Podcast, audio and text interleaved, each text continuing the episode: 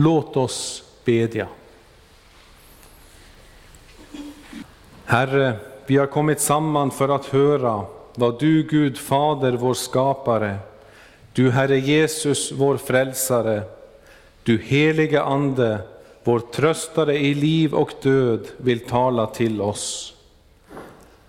Öppna nu genom din heliga Ande våra hjärtan, så att vi av ditt ord lär oss att söka förlåtelse för våra synder, att tro på Jesus i liv och död och varje dag växa till i ett heligt liv. Hör oss, o Gud, för Jesu Kristi skull. Amen.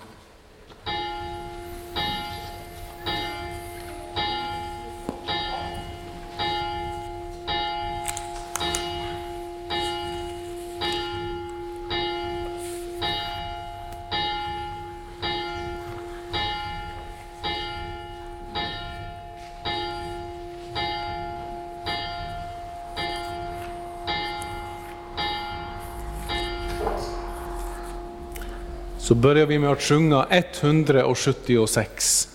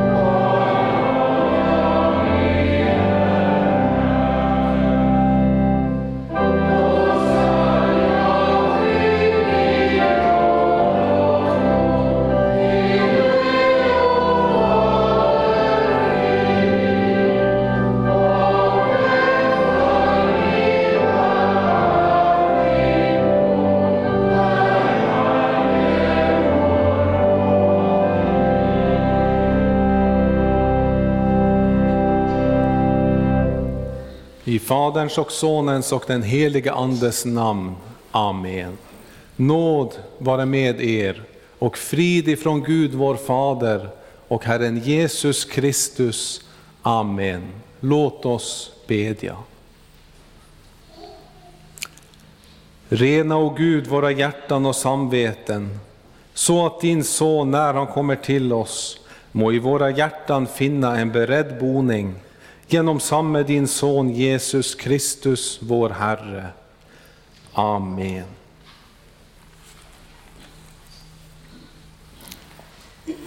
Innan dagens gammaltestamentliga läsning så frågar Herren, var finns er mors skiljebrev, det som jag har förskjutit henne med? Eller till vilken av mina fordringsägare har jag sålt er? Se, Genom era missgärningar blev ni sålda, och för era överträdelses skull blev er mor förskjuten. Detta säger Herren till sitt folk som är bortfört i fångenskap. och där många trodde att Herren hade förkastat dem för all tid. Och detsamma kan vi tänka när vi märker Herrens hand över våra synder.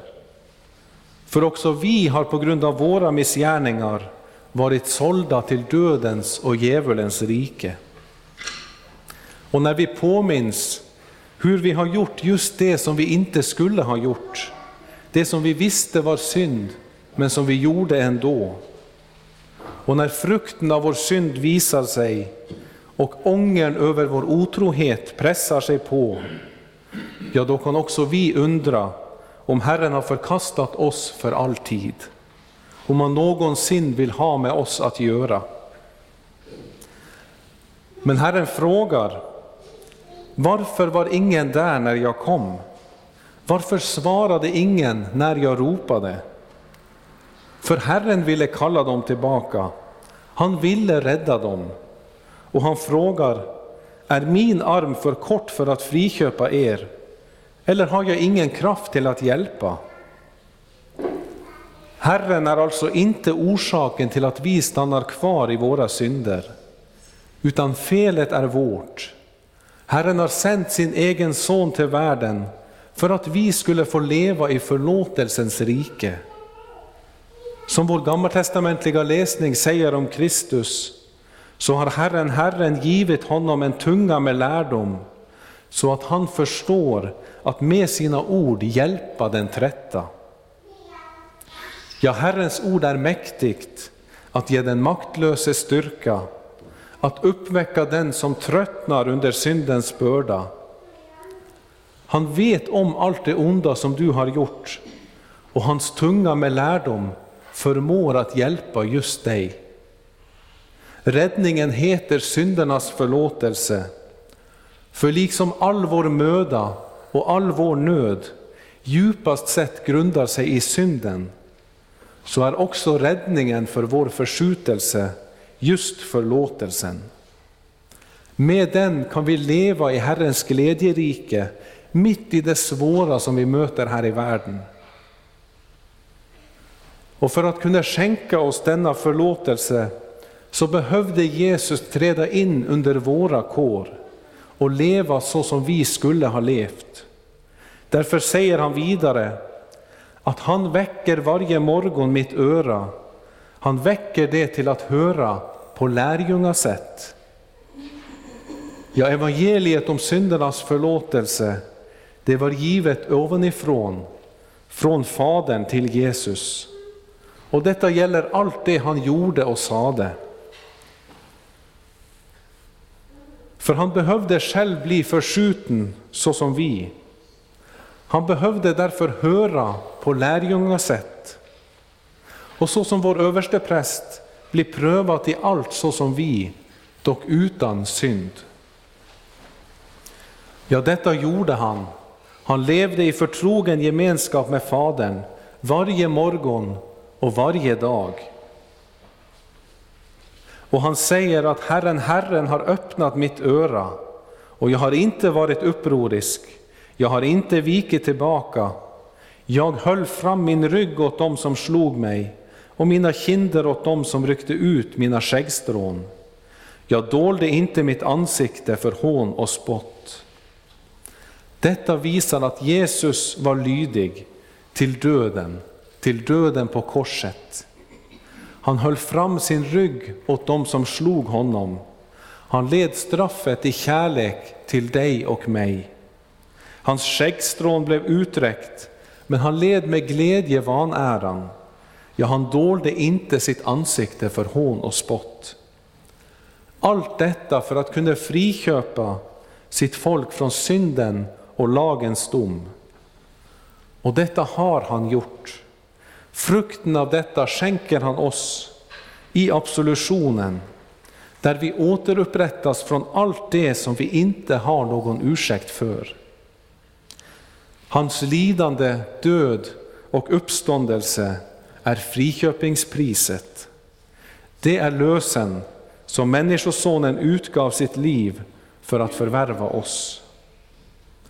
Därför erbjuds du som plågas av dina synder Du som inte har hört Herrens ord i lydnad på lärjungasätt. Du som inte levde i öppen gemenskap med din Herre när du föll i synd. Du som har varit ovillig att bära lidande, vanära, hån och spott för Herrens skull. Ja, du som har varit upprorisk och inte har fullgjort den kärlekens tjänst som han kallar dig till. Allt detta gjorde Herren själv i ditt ställe, för dig. När du därför i ånger bekänner dina synder och i tro lyssnar till förlåtelsesorden, så upprättas du av nåd, för hans namns skull, hur lågt du än har fallit, därför att Kristus själv betalade priset. Och du bjuds sen att komma fram till den måltid som Herren instiftade för att styrka och befästa dig i detta förlåtelsens rike. Och där är endast förlåtna syndare välkommen. För i nattvarden frågas inte efter vad du har gjort, utan vad du tror. Därför är du välkommen som är döpt och som tror att du är en syndare som behöver nåd, förlåtelse och frälsning. Som tror att denna frälsning enbart finns hos Jesus, som är hela världens enda frälsare och din frälsare. Som tror att du i nattvarden tar emot hans eget kropp och blod till syndernas förlåtelse och att nattvardens bröd ger dig Jesu Kristi kropp och vinet hans blod. Tror du detta så är du välkommen att fira Herrens måltid till välsignelse och inte till dom. Tror du det inte skall du hålla dig borta, för det är inte likgiltigt hur man mottar dessa gåvor. Ja, låt oss tillsammans i förtröstan på Herrens nåd och frälsning och hans löfte om förlåtelse be och bekänna.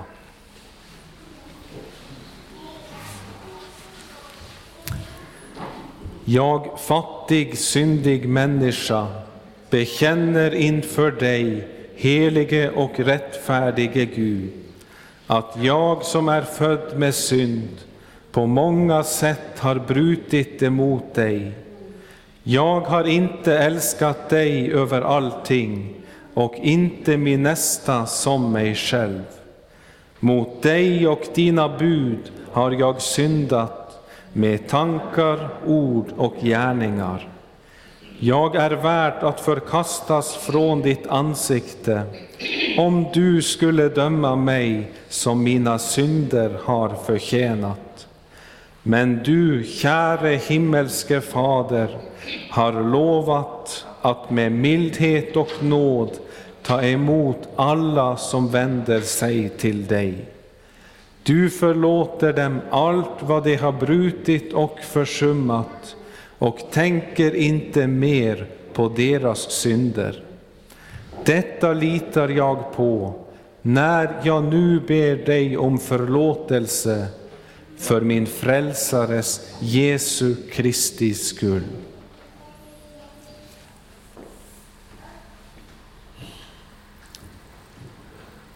Begär du dina synders förlåtelse för Jesu Kristi skull, så är i kraft av Guds ord och löfte fast och visst att Gud av nåd förlåter dig alla synder. Denna förlåtelse tillsäger jag dig på vår Herres Jesu Kristi befallning, i Faderns och Sonens och den helige Andes namn. Amen. Käre Fader i himmelen, vi tackar dig för syndernas förlåtelse genom Jesus Kristus, vår Herre. Amen.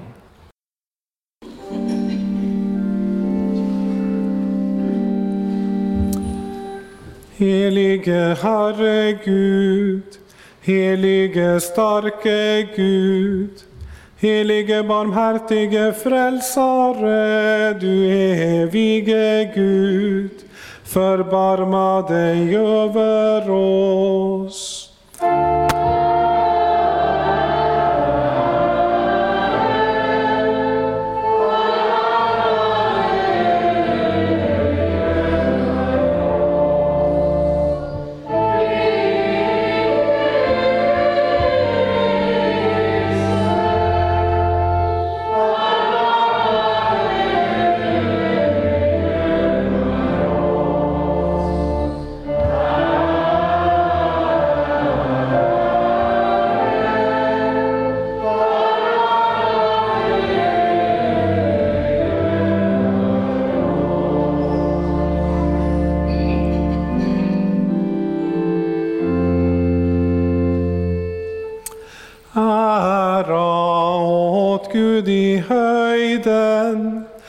Och frid på jorden bland människor som han älskar.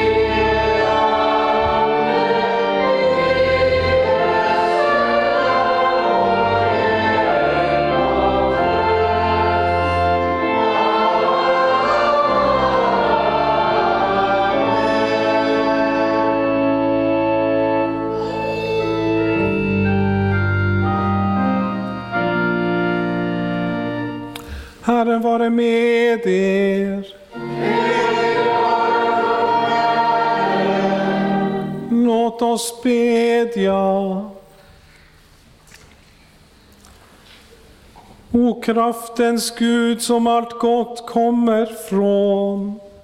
Fyll våra hjärtan med en rätt kärlek till dig så att vi bevaras i det goda som du har givit.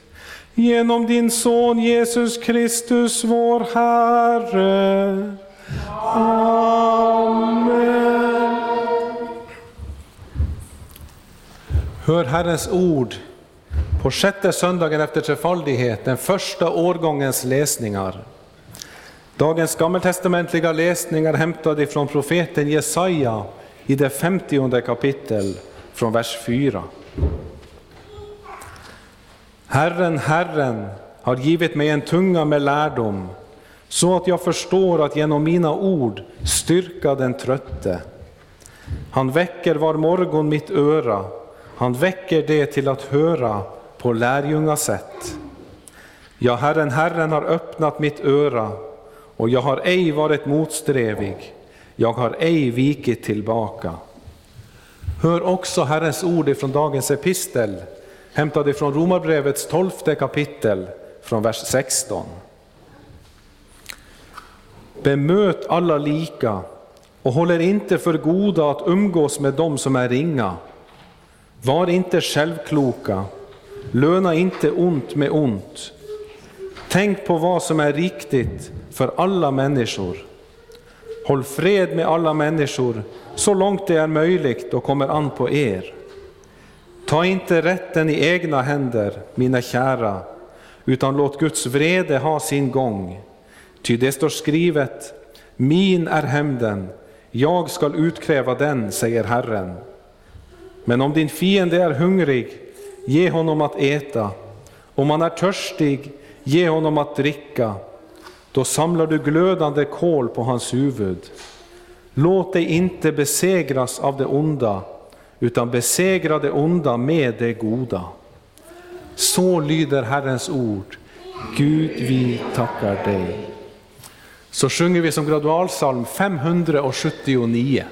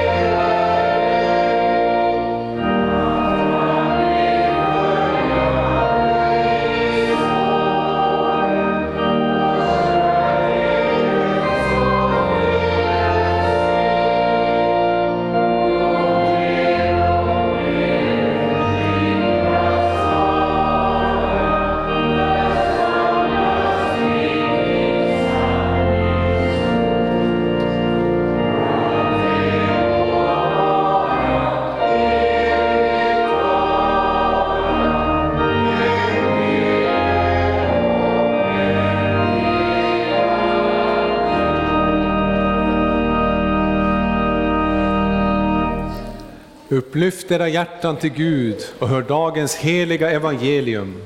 Så skriver evangelisten Matteus i det femte kapitel från vers 20. Jesus sade, jag säger er att om inte er rättfärdighet överträffar de skriftlärdas och fariseernas, så kommer ni inte in i himmelriket. Ni har hört att det blev sagt till fäderna, du skall inte dräpa. Den som dräper undgår inte sin dom. Men jag säger er, den som blir vred på sin broder undgår inte sin dom. Och den som okväder sin broder undgår inte att ställas inför rådet. Och den som förbannar honom undgår inte helvetets eld. Om du bär fram din gåva till offeraltaret och där kommer ihåg att din broder har något otalt med dig, så låt din gåva ligga framför altaret och gå först och försona dig med honom. Kom sedan tillbaka och bär fram din gåva. Skynda dig att komma överens med din motpart medan ni ännu är på väg, så att han inte överlämnar dig åt domaren och domaren lämnar dig åt vakten och du sätts i fängelse. Sannerligen, du slipper inte ut förrän du har betalt till sista öret. Så lyder det heliga evangeliet. Lovat vare du, Kristus. Låt oss tillsammans bekänna vår heliga kristna tro. Vi tror på Gud Fader allsmäktig, himmelens och jordens skapare. Vi tror också på Jesus Kristus, hans enfödde Son, vår Herre, vilken är avlat av den helige Ande, född av jungfrun Maria, pinad under Pontius Pilatus, korsfäst, död och begraven, nederstigen till dödsriket, på tredje dagen uppstånden igen ifrån de döda, uppstigen till himmelen, sittande på allsmäktig Gud Faders högra sida, därifrån igenkommande till att döma levande och döda. Vi tror och på den helige Ande, en helig allmännelig kyrka, det heligas samfund, syndernas förlåtelse, kroppens uppståndelse och ett evigt liv. Amen. Innan predikan sjunger vi verserna 3 och 4 på 403.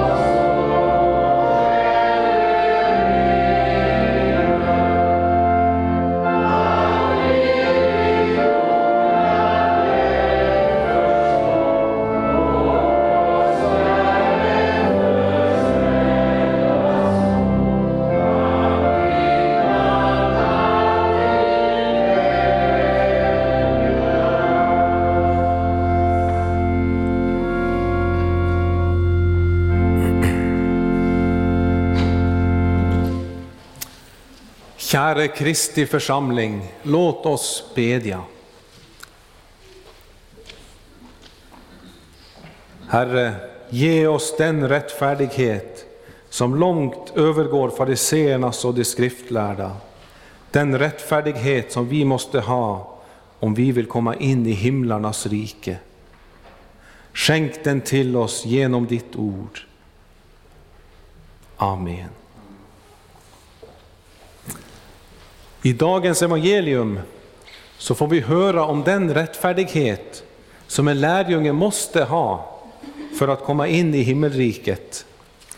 Jesus säger om den till sina lärjungar att om er rättfärdighet inte, långt, inte går långt utöver de skriftlärdas och fariseernas skall ni inte komma in i himmelriket.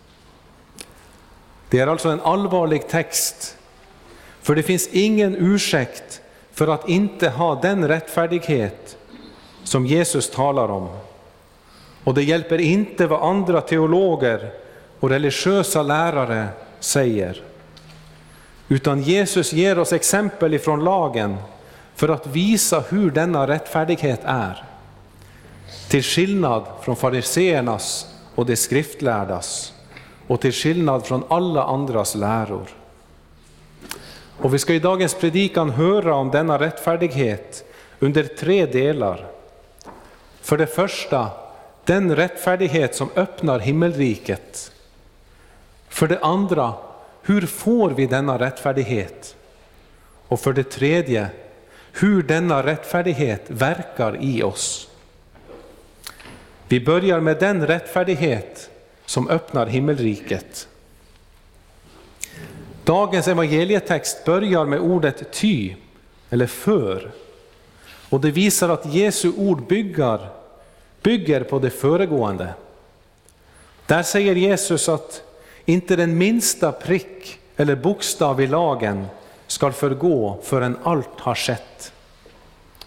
Och sen säger han precis innan vår text att den som därför upphäver ett av dessa minsta bud och lär människorna så, han ska kallas den minste i himmelriket.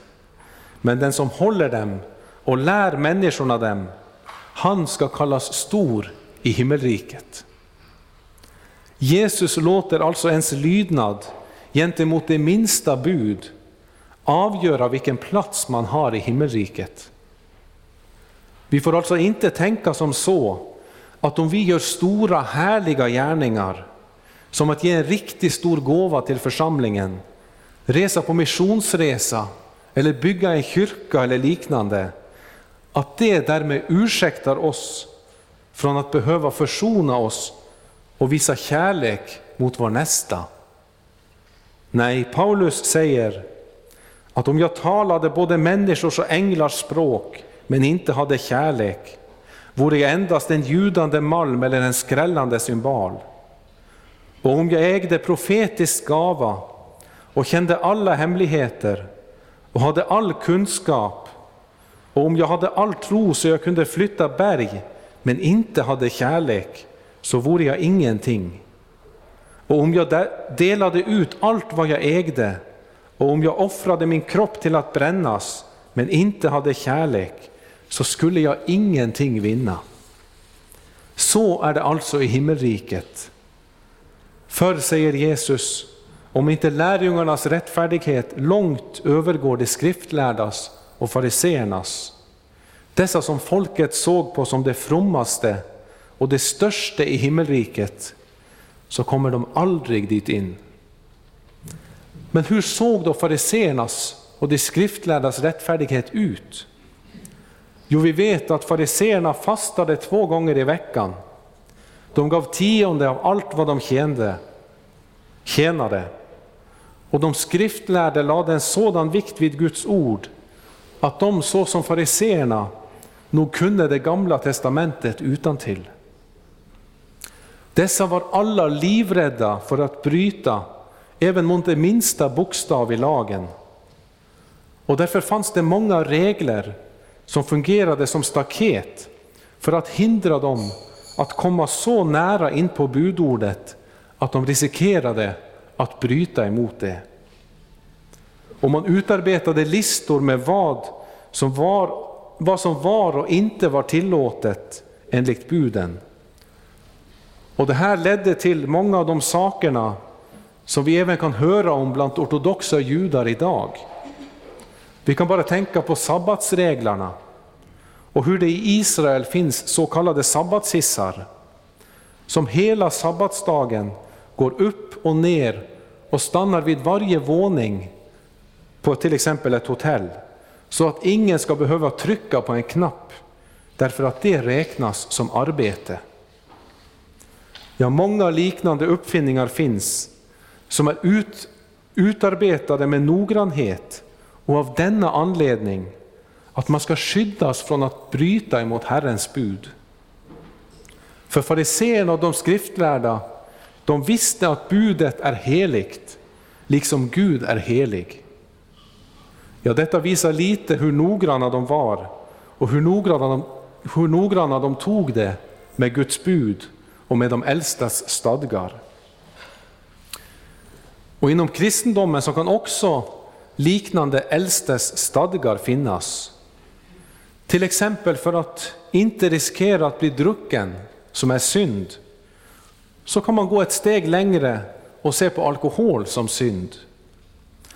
Och människobud som detta har vissa likheter med fariseernas och de skriftlärdas stadgar.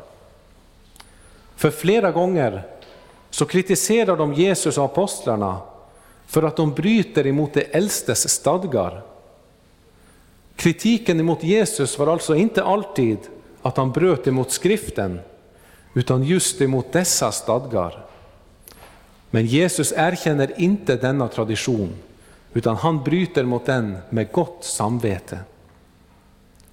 Så när Jesus säger att vår rättfärdighet måste övergå fariseernas och de skriftlärdas om vi vill komma in i himmelriket, så är det inte alla dessa föreskrifter och regler han tänkte på. Även om detta regelsystem visar deras noggrannhet och hur de höll sig efter budets ordljud.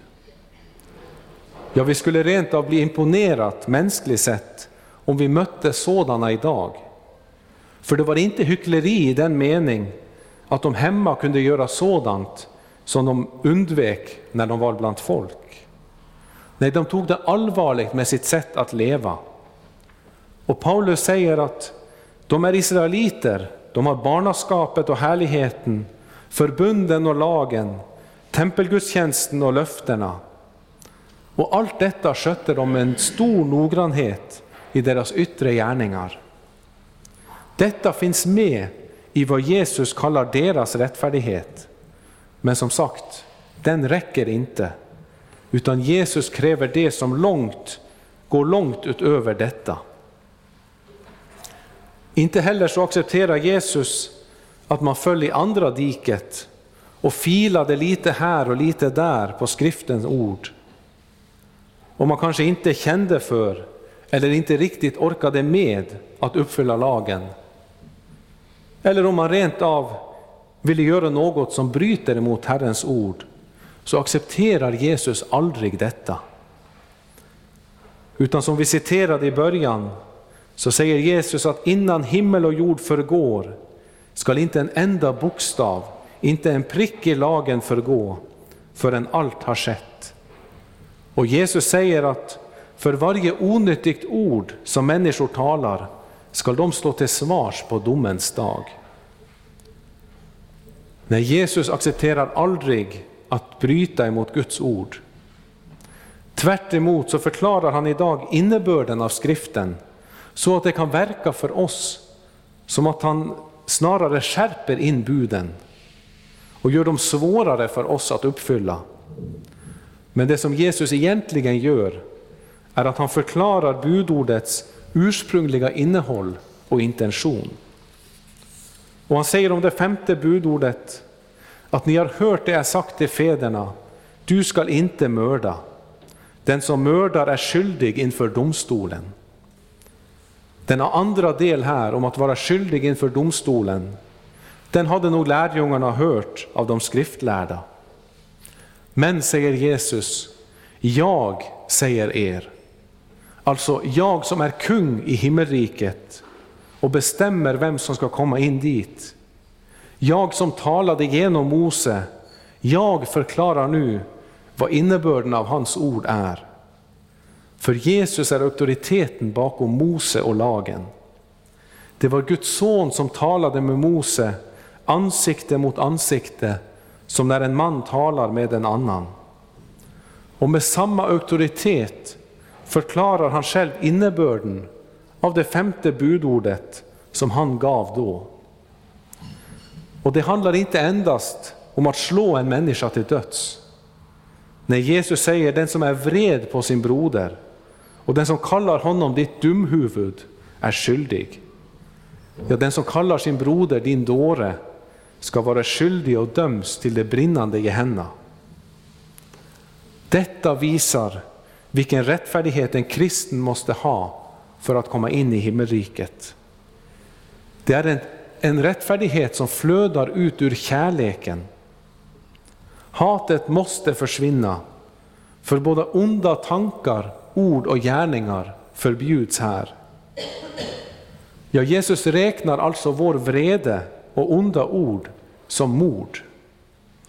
Och Johannes säger att den som hatar sin broder är en mördare. Och ni vet att ingen mördare har evigt liv i sig. Ja, detta visar att den rättfärdighet som Gud kräver inte handlar om att agera i det yttre och att avhålla sig från saker som är emot Guds ord, så som fariséerna och de skriftlärda. Utan Guds bud säger du skall. Inte dina händer, inte din mun, utan hela du med hjärtat och allt som flödar ut därav. Allt som du gör ska ske av kärlek till din nästa. Och då förbjuds hatet samtidigt som kärleken påbjuds.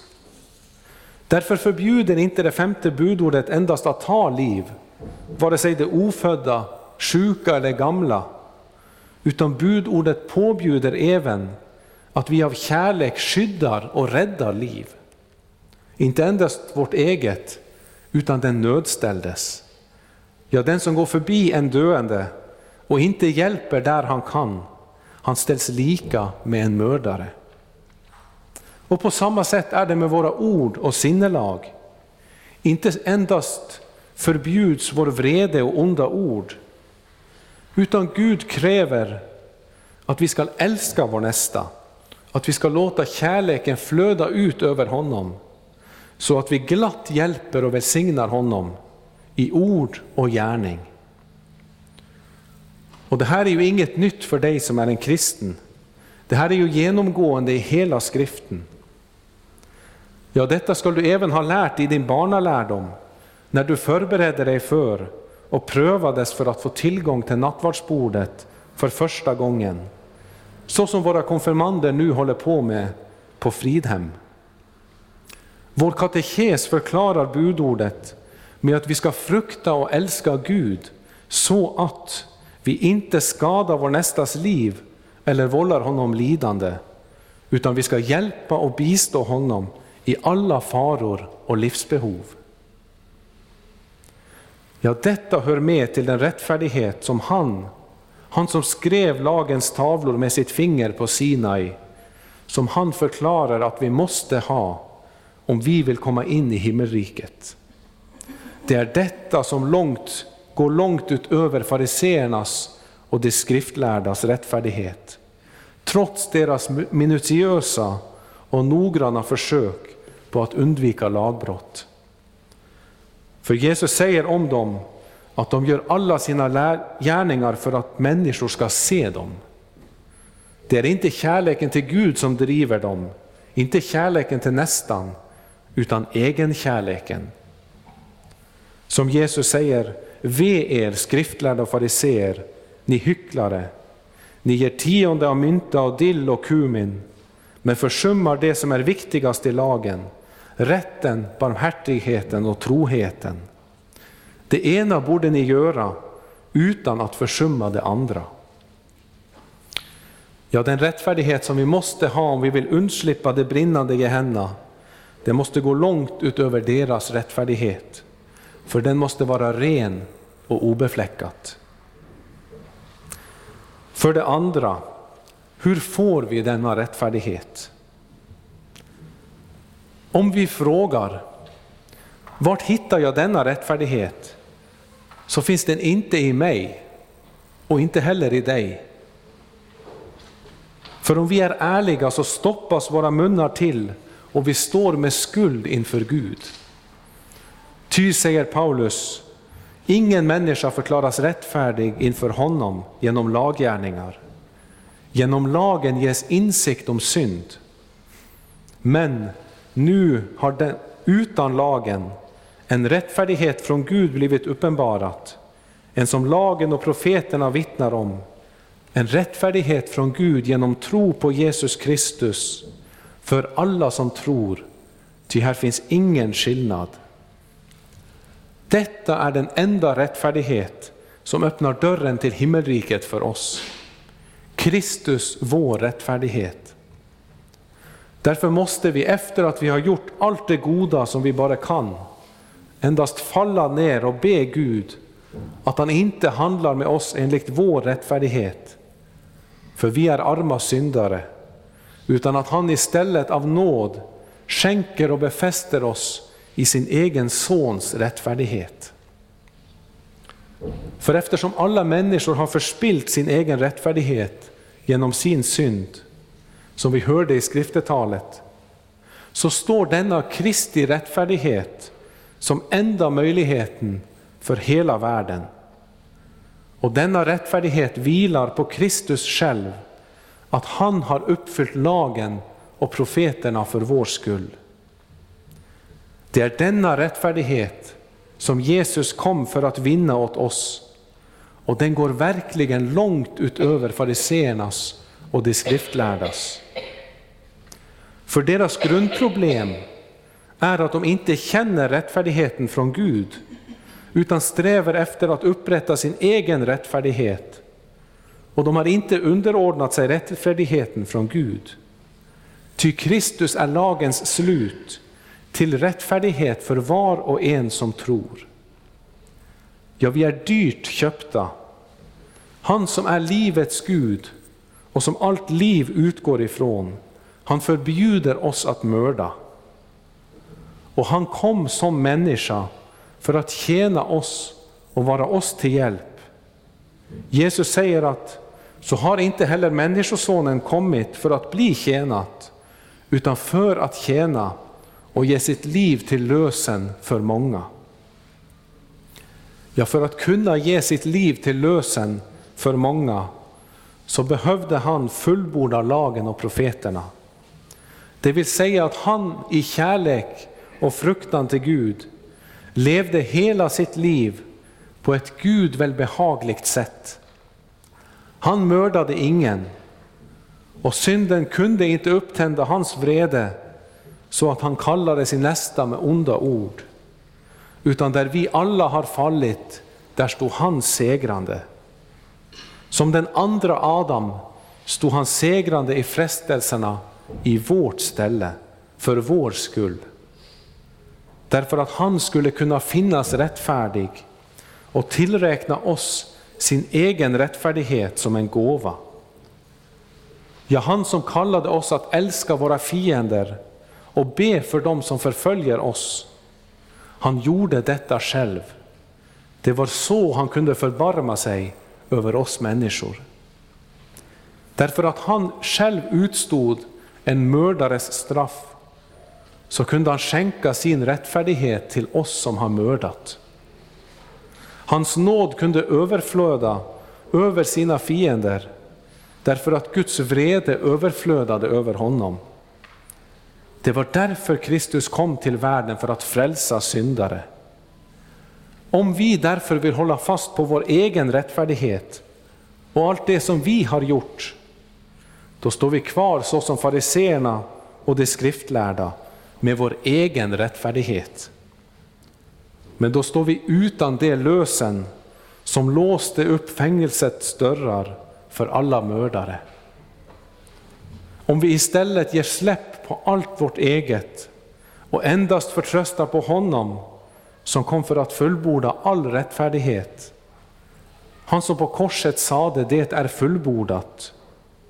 Så att vi riktar vårt hjärta helt på honom. Då äger vi den rättfärdighet som ger oss tillträde till himmelriket. Jesus Kristus har försonat Gud med världen. Han blev funnen värdig. Han lät sig genomgå allt det som vi förtjänade och det gjorde han i kärlek, inte i vrede och hat. För han kom inte för att döda och döma, utan för att frikänna och pånyttföda. Han kom inte med dödens ord, utan med kärlekens och livets ord. Och han kallar oss det som han gör oss till, nämligen visa till frälsning genom tron i Kristus Jesus. Han kallar oss inte dårar eller otrogna, utan han gör oss trogna och trolovar sig, trolovar oss med sig som hans brud. Vi blir genom Kristi rättfärdighet det som han själv är, eftersom han blev det som vi var.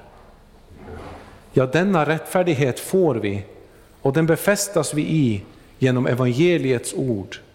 Och den styrks vi i kring Herrens bord. När vi i tro äter och dricker hans eget kropp och blod under brödet och vinet. I denna rättfärdighet skall inget av vårt eget blandas in, utan i vårt samvete inför Gud är det endast Kristus och hans rättfärdighet som gäller. För i honom så ser Gud på sina trogna som om de aldrig hade syndat, som om de aldrig hade mördat. Det var till det ändamål Gud sände sin enda son, att låta sig mördas i mördares ställe. Ja, livets Herre fick drabbas av döden, men döden kunde inte hålla kvar honom, utan han som dödades för våra synders skull, han uppstod just för att vinna den rättfärdighet som ger oss ingång i himmelriket. För det tredje ska vi höra om denna rättfärdighet och hur den verkar i en kristens liv.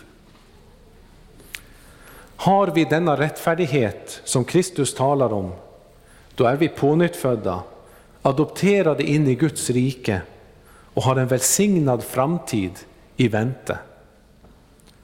Och när vi genom tron mottog denna rättfärdighet så fick vi samtidigt Guds ande in i våra hjärtan som gör att vi i vår vandring strider livets kamp. För samma mördiska kött som uteslöt oss från livet i Gud finns alltid kvar och kämpar mot anden i alla kristna. Och denna kamp handlar om att vårt kött ska dränkas och dödas, så som dopvattnet symboliserar, så att vi varje dag uppstår till ett nytt liv i Kristus Jesus, det liv vi fick i dopet. Och detta liv ska utspela sig i världen, för kärleken driver oss till vår nästa, för att i kärlek tjäna och hjälpa honom. Att komma med livet där döden regerar. Ja, detta liv kommer att bära rättfärdighetsfrukt. Det kommer att växa i kärlek. Och även i det yttre bli bättre än fariseernas och de skriftlärdas, dessa som var utan kärlek. För vi får i detta nya livet en kärlek som ser människan och deras behov. Vi älskar därför att han älskade oss först.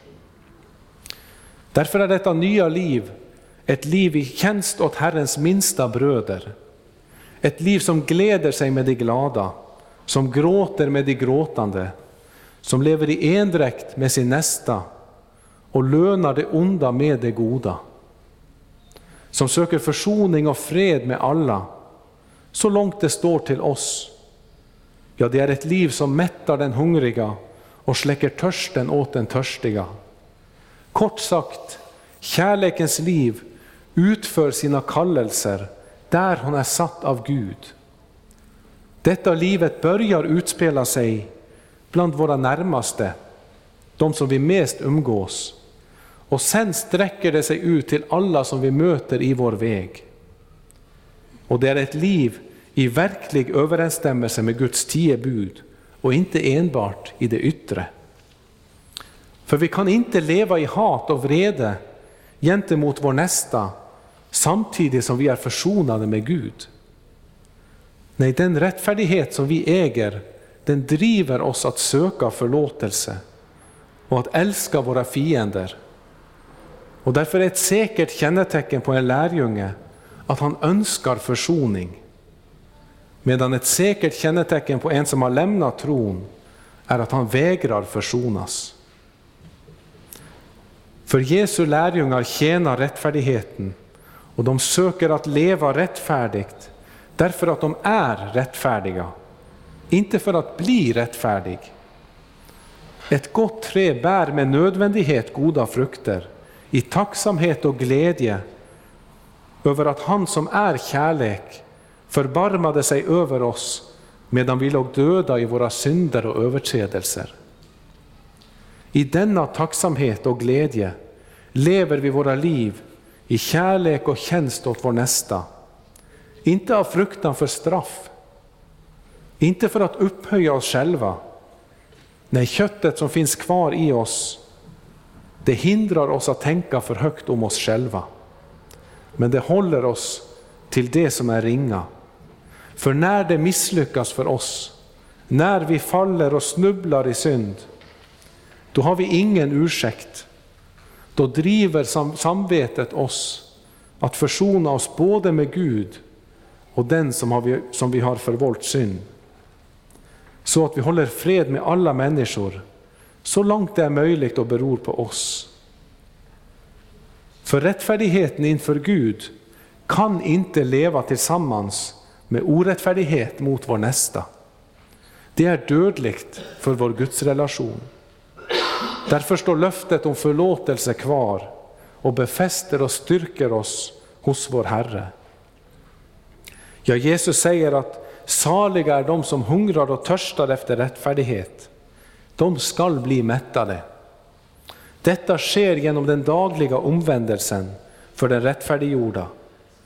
Ja, de kristna som har rättfärdighet, till dem skall mera ges, medan de som inte har rättfärdighet skall fråntas även det de har. Ja, må Herren själv alltid bevara oss i sin egen rättfärdighet och låta våra liv få bära rik frukt, honom till ära och vår nästa till gagn. Lovat vare Gud och välsignad i evighet, som med sitt ord tröstar, lär, förmanar och varnar oss. Helige Ande, skriv ordet i våra hjärtan, så att vi inte blir glömska hörare, utan varje dag växer till i tro, hopp, kärlek och tålamod, intill tidens slut och blir saliga. Genom Jesus Kristus, vår Herre. Amen. Till sist från denna plats, innan vi sjunger 346. Må så vår Herre Jesu Kristi nåd, Guds kärlek och den helige Andes gemenskap vara med er alla. Amen.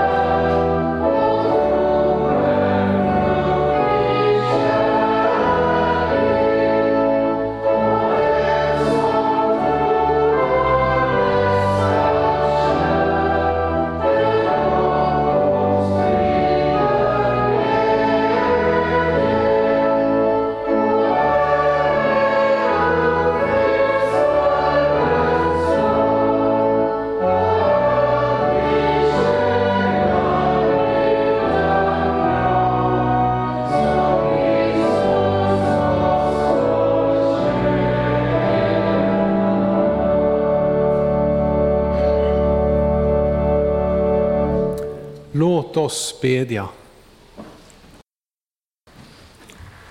Herre vår Gud, vi ber dig, styrk och led din kyrka och samla ditt folk kring ordet och sakramenten.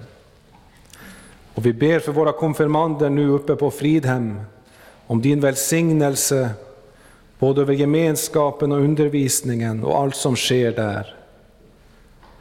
Jag återsamlar dem ibland oss kring ordet och sakramenten, Herre. Låt ditt evangelium nå ut i hela världen och väcka levande tro. Ge dina vittnen kraft när de får lida för din skull. Skydda vårt land och ge vishet åt dem som har fått förtroende och ansvar i vårt samhälle. Ge dem att fatta rätta och visa beslut till gagn för folket och till ära för ditt namn. Välsigna vårt arbete, ge världen fred och låt det onda hindras och din vilja ske. Ge oss dagligt bröd och stärk vår vilja att dela med oss åt dem som lider nöd. Låt våra hem präglas av sammanhållning, trygghet och kristen tro. Och gör vår församling till ett hem dit människor kommer för att höra ditt heliga ord, bedja om din hjälp och tacka för din godhet och kärlek. Kom Herre till de sjuka, sörjande och ensamma. Särskilt tänker vi på dem som under denna coronatid har blivit sjuka, sörjande och ensamma. Kom Herre till deras hjälp. Tack för att restriktionerna har börjat släppa och att vi åter får samlas flera kring ditt ord och kring dig, Herre.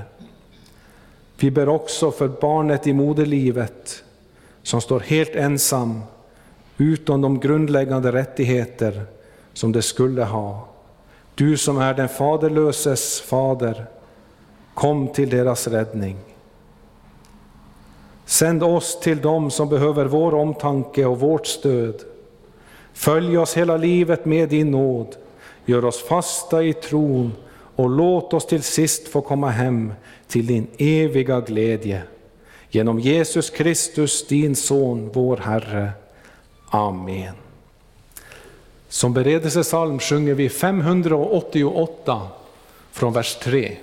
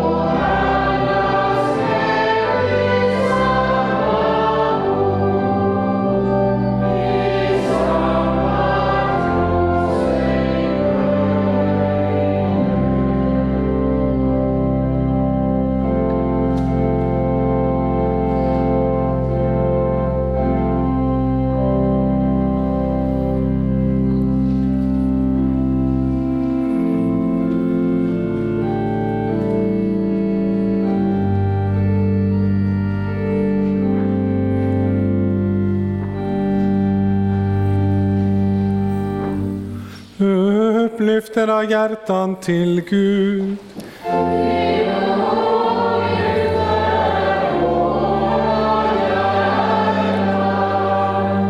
Låt oss tacka Gud vår Herre.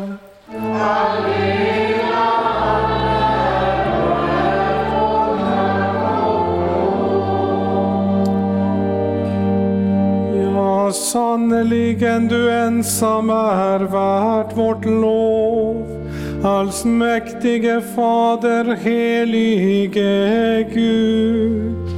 Dig vill vi prisa och välsigna genom Jesus Kristus, vår Herre.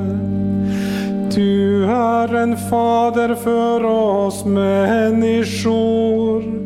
Du nämner oss alla vid namn håller världen i dina händer. Ty därtill har du skapat oss och därför gav du oss livet. Att vi skulle höra samman med dig och vara ditt folk på jorden. Därför vill vi med dina trogna i alla tider och med hela den himmelska härskaran prisa ditt namn och tillbedjande sjunga.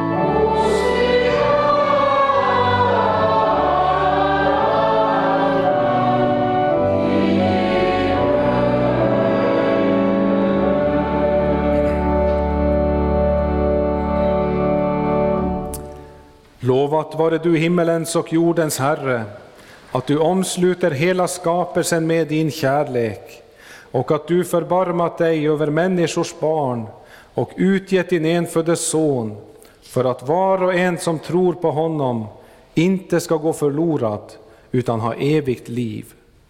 Vi tackar dig för den frälsning du har berett åt oss genom Jesus Kristus.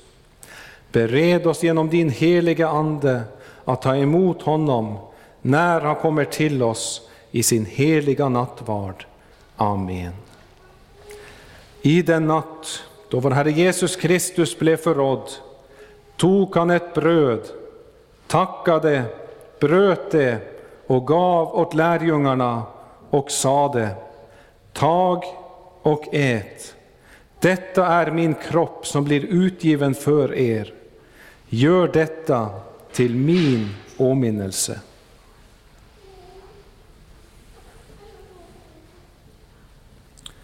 Likaså tog han kalken, tackade, gav åt lärjungarna och sade, drick av den alla.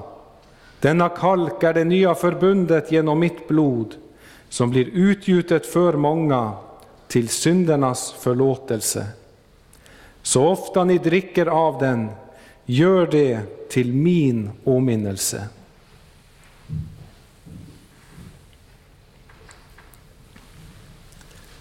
Din död förkunnar vi, Herre, din uppståndelse bekänner vi till dess du kommer åter i härlighet.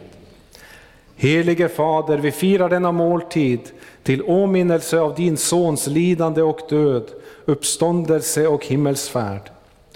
Vi tackar dig för att du har sett till hans fullkomliga och eviga offer, med vilket du har försonat världen med dig själv.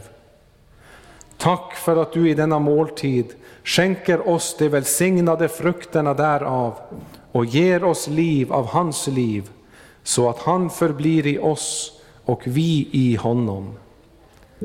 I den heliga Ande och med alla dina trogna ber vi den bön som din son Jesus Kristus har lärt oss. Fader vår som är i himmelen. Helgat var det ditt namn. Tillkomme ditt rike. Ske din vilja så som i himmelen, så och på jorden. Vårt dagliga bröd giv oss idag och förlåt oss våra skulder, så som och vi förlåta dem oss skyldiga äro. Och inled oss icke i frestelse, utan fräls oss ifrån ondo. Ty riket är ditt och makten och härligheten i evighet. Amen.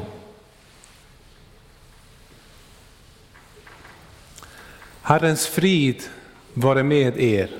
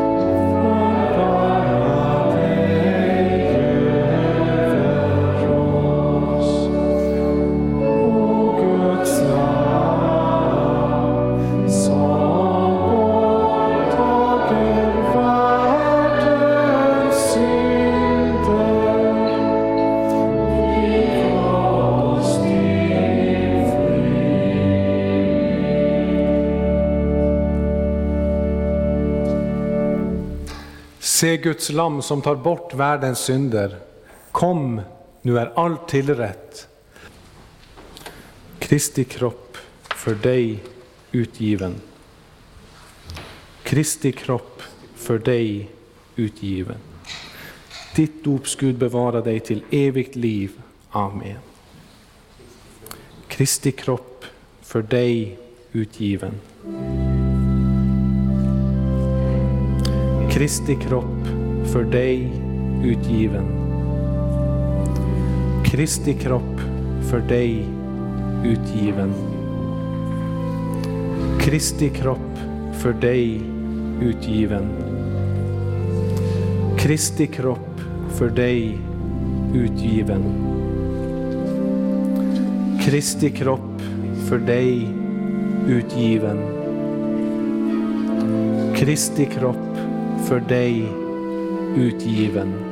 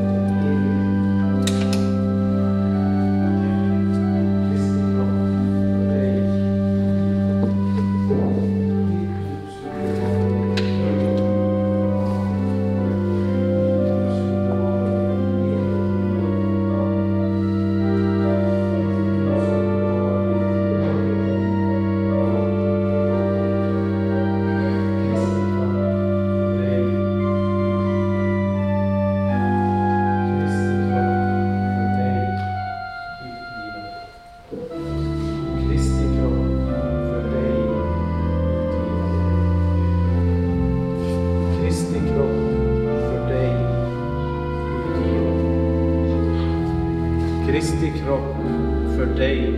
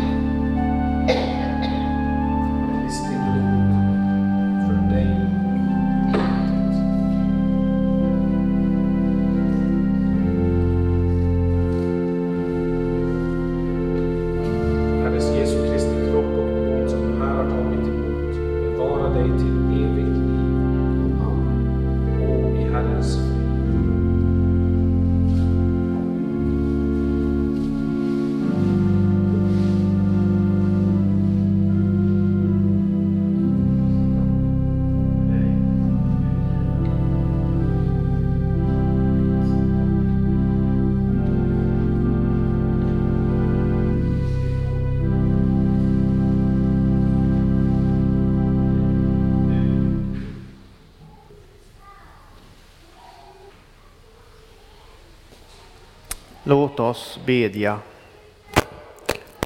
Vår Gud och Fader, vi tackar dig som genom din Son Jesus Kristus har instiftat denna heliga nattvarden till vår tröst och salighet. Vi ber dig, ge oss nåd att så fira Jesu åminnelse på jorden, att vi får vara med om den stora nattvarden i himlen, för vår Herres Jesu Kristi skull. Amen.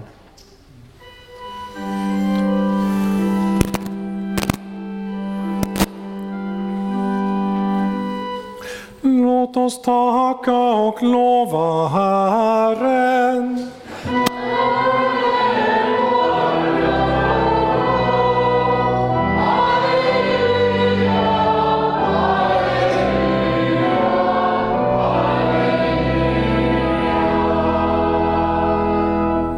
Tag emot Herrens välsignelse. Herren välsigne er och bevare er. Herren låter sitt ansikte lysa över er och vare er nådig. Herren vände sitt ansikte till er och give er frid. I Faderns och Sonens och den helige Andes namn.